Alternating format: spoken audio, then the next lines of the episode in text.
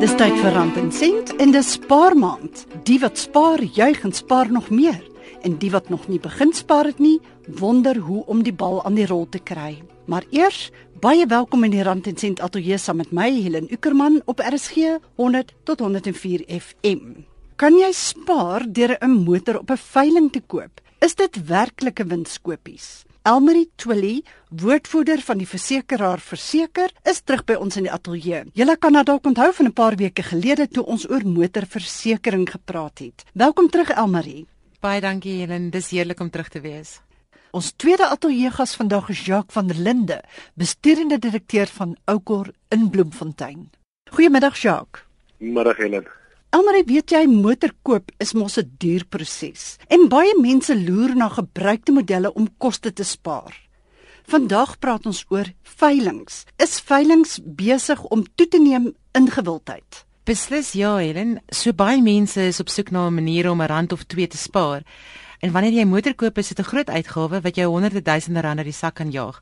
So die vooruitsig dat jy geld kan spaar by 'n motorveiling, maak dit vir baie verbruikers 'n baie aanloklike opsie. Baie handelaars koop ook voertuie op veilings. Is dit regtig goedkoper om 'n motor op 'n veiling te koop? Hoeveel kan 'n mens spaar?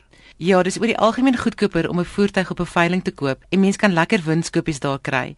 Besparings wissel en 'n mens kan enigiets van 'n paar duisend tot 10000 rande op jou boekwaarde van jou voertuig spaar. Dit hang natuurlik ook af van wat die ander mense bereid is om te bied. Dood reg, Helen. Hoe weet 'n mens jy koop nie 'n kat in 'n sak nie? En waar kom motors wat opgevel word vandaan?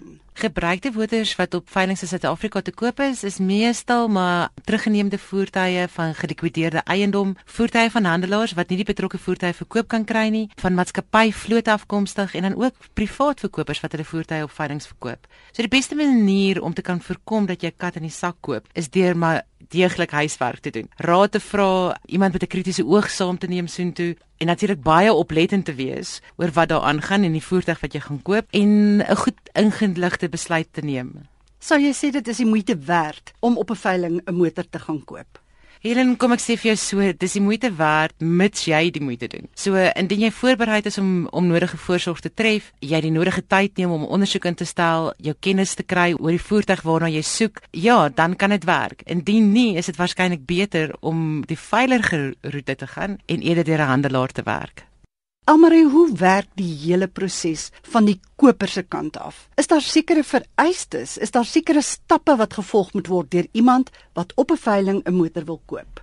Jong Helen, daar's nie regtig veel voorvereistes nie. Die koper is voor die veiling net verantwoordelik daarvoor om te kan registreer vir die veiling en 'n terugbetaalbare deposito vir die betrokke veiling moet ook betaal word. So dit kan gewoonlik of aanlyn of by die veilingshuis self gedoen word. Daar is ook vooraf goedgekeurde finansiering vir veilings beskikbaar deur verskeie finansiële instellings, um, maar die normale proses van kredietgoedkeuring word steeds nog gevolg.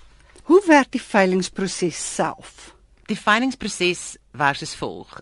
'n lys of 'n katalogus van die voertuie wat op die veiling gaan wees word aan die publiek bekend gestel, um, sodat hulle kan sien watter voertuie wel betrokke gaan wees op daai dag. Motors kan ook fisies besigtig word, so jy kan so toe gaan en na die voertuie gaan kyk. Wanneer die veiling begin, word elke voertuig in die veilingsaal ingebring vir vertoning dan. Die opveiler gee kort beskrywing van die voertuig en begin met 'n openingsbod en natuurlik die hoogste bod wen.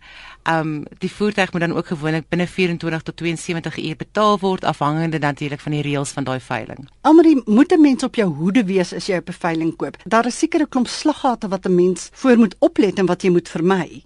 Ja, daar is en dit is baie belangrik om die nodige voorsorg te tref, Helen. Ons stel voor dat jy ten minste een veiling net besoek om te gaan kyk wat daaraan gaan voordat jy besluit om te koop. Doen navorsing oor die voertuig waarin jy belangstel, die prys, die verrigtinge van daai voertuig. Wat is kopersfooie?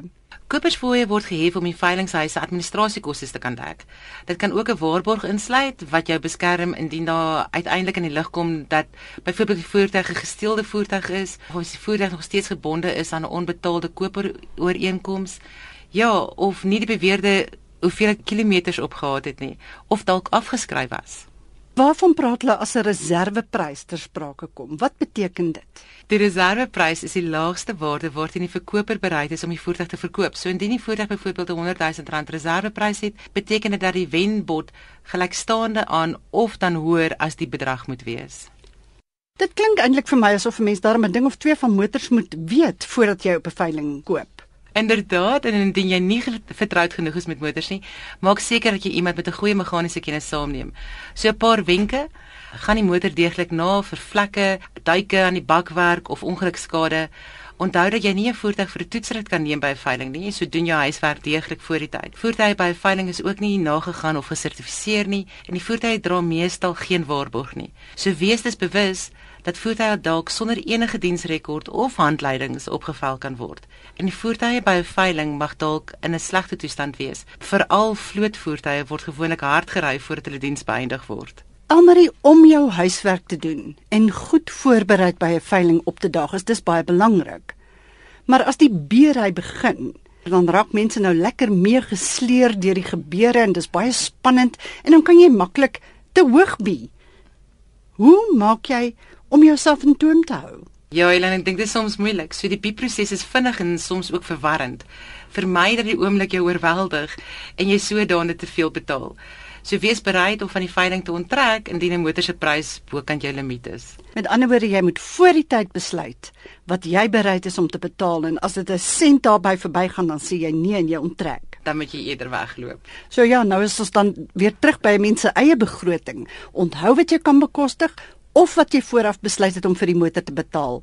'n Motor is 'n duur en belangrike aankoop en moet met sorg benader word. Jy luister na Rand en Sent met Helen op RSG 100 tot 104 FM en ons gesels vandag met Elmarie Twilly, woordvoerder van Verseker en Jacques van der Linde, besturende direkteur van Oukor en Bloemfontein oor motorkoop op 'n veiling. Jacques verbruikerswetgewing Hoe het dit die veilingbedryf in die laaste paar jaar geraak? Het daar baie dinge verander?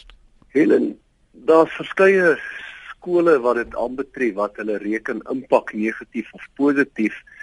Uh, ek reken vir myself wat dalk bietjie aan die jonger kant is van die afslaers, dit is 'n baie goeie ding.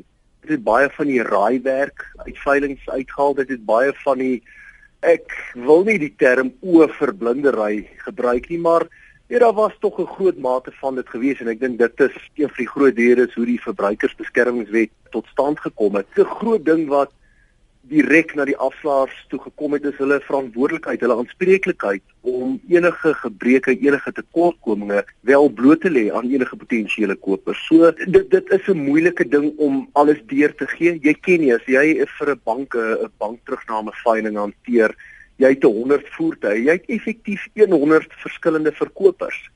Ek weet nie hoe Helena kar gery wat teruggeneem is of jy weet nie hoe Jacques sy kar gery wat teruggeneem is nie. Ek kan bloot vir opinie lewer van goed, hy het hier ingery. Uh ons het hom vanuit die stoor 30 meter gery tot op die verkoopsvloer. So in terme van dit jy moet as jy bewus is van enigiets, moet jy dit deurgee. Uh ek dink 'n ander ding wat redelik drasties verander het van jou ou tradisionele veilinge is die rede vir die veiling moet jy bloot lê en dan ook reservepryse.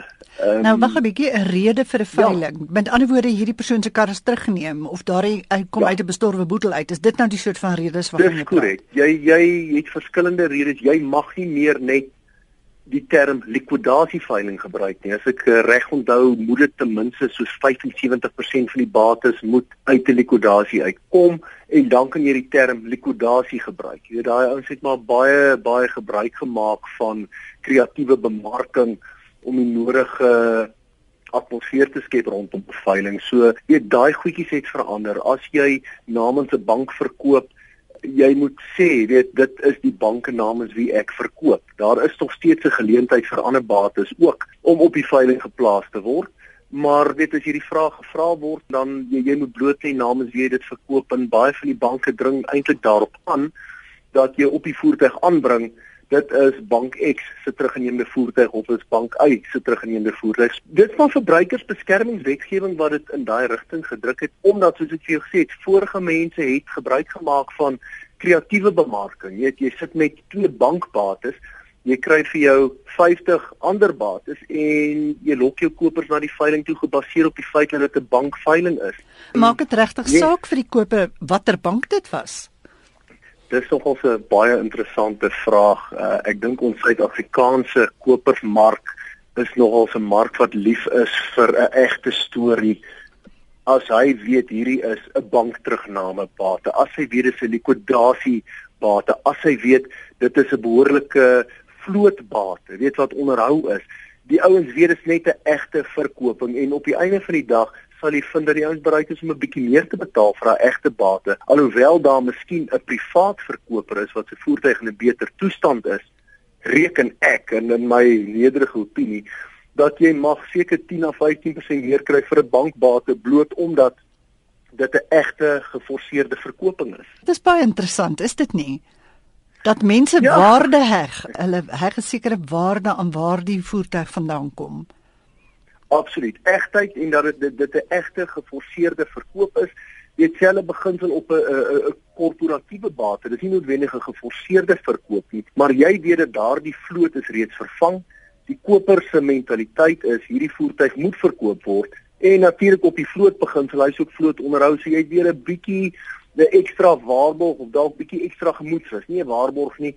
Ek dink in terme van die veiling daar is bitter min wat 'n ou wel waarborg maar jy jy het 'n bietjie ekstra gemoedsrus dat hierdie bate wel op 'n vlootstelsel na gekyk is waar jy dit nie gaan hê waar ek my persoonlike voertuig op het en soos ek vir jou vroeër sê die 100 verskillende mense ry hulle voertuie verskillend. So ja, soek maar 'n bietjie gemoedsrus en egtheid. Ek dink dis die twee goed wat maar deurkom daar.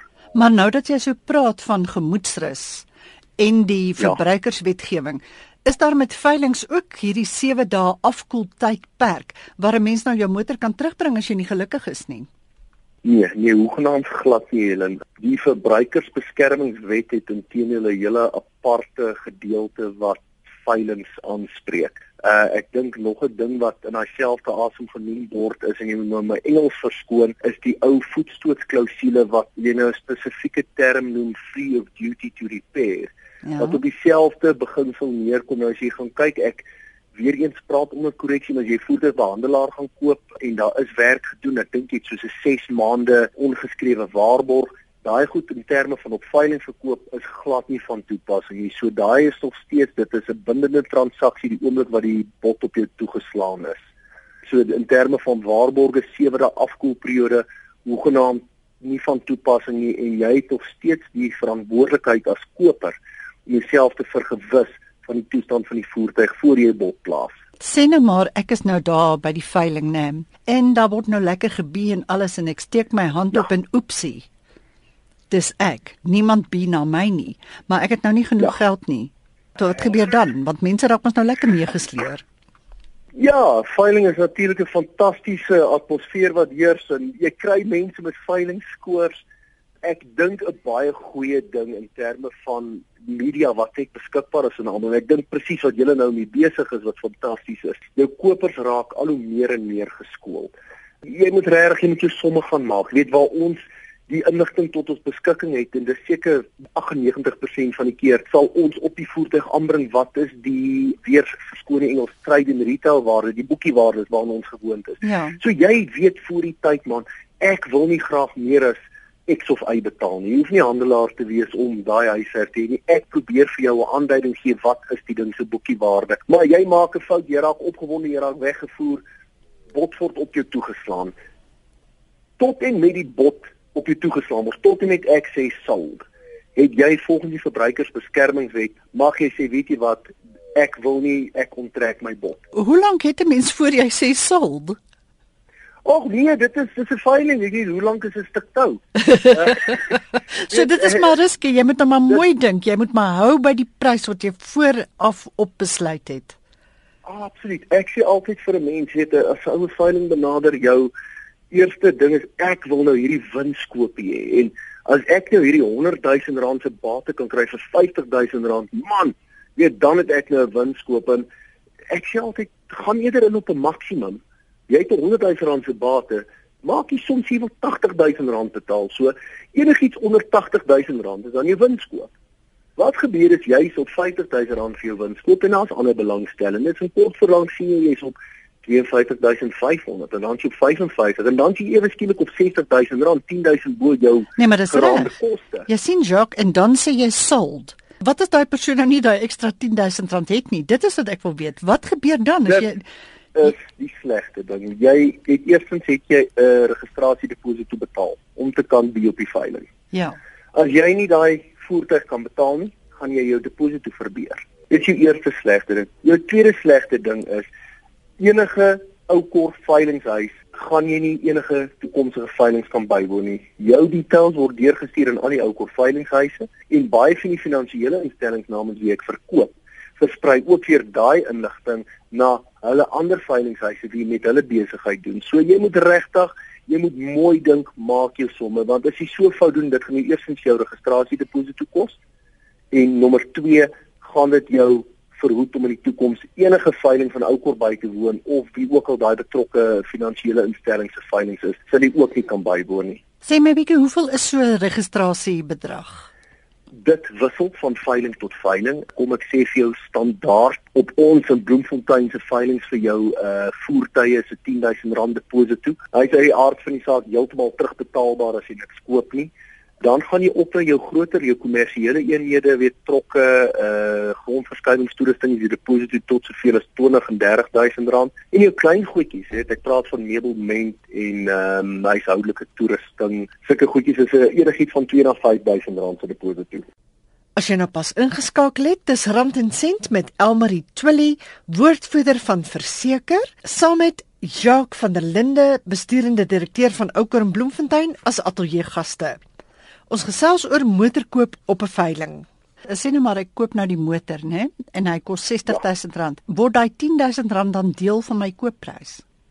Dis korrek. Ja, dit word daar afhaal en net so vinnig op daai. Ek dink dat jy daarvan 'n belangrike ding in ons verduidelik het veiling in, veiling uit. Jy bi R60000 op 'n voertuig op veiling. Al jou hamerpryse sluit BTW uit jou hamerprys sluit wat ons noem 'n koperskommissie uit. En dan is daar ook 'n administrasiefooi. So gestel jy koop vir R60000 op 'n voertuigveiling is daar 6% koperskommissie sit dit by waar dit R3600 dan het jy BTW op R63600. So jy jy bied tot op R60000 maar jy kan baie maklik opeindig om tot R75000 te betaal so daai vooraf huiswerk in terme van vergewis jouself van die toestand van die voertuig is belangrik. Nommer 2, vergewis jouself van al die administratiewe reëlings in terme van kommissies, administrasiefooie en BTW wat altyd uitgesluit is by die bulkprys. Hoe weet ons as verbruikers of daardie motor wat ons nou daar sien staan en hy blink nou so mooi en hy lyk te pragtig. Ja. Hoe weet ons of hy in 'n goeie toestand is? Want ons het nou pas by Elmarie gehoor dat 'n mens dit nie mag toets bestuur nie. Ja, nee, toetsbestuur is, is absoluut 'n nee nee. Ek, ek dink julle sal verstaan. Ek sit met 100 voertuie op 'n vloer om 100 voertuie uit te laat gaan in een of twee dae se tyd. Ons gaan dalk seker so 20 voertuie per veiling verloor. Maar jy is uit die aard van die saak welkom om die voertuig te inspekteer. Ons het 'n amptelike besigtigingsdag jy kom in ons het manne met sleutels uh, baie van die voertuie staan langs so ek het 'n ou met 'n battery wat help om die goed in die gang te kry. Skakel die voertuig aan vra die man om hy pedaal bietjie te trap luister na hom. Wat baie lekker is in teenoor van die nuwer voertuie omdat meeste van hulle kom met 'n diensplan. Jy, jy kan baie maklik ek gee ook vir jou die voertuig se engine en winnommers op wat ons ons vensterborde noem om 'n Mercedes voertuig se winnommer te vat, jou naaste Mercedes handelaar te hmm. kontak en te sê luister julle, hier is die winnommer, hoe lyk hierdie voertuig se diensrekord?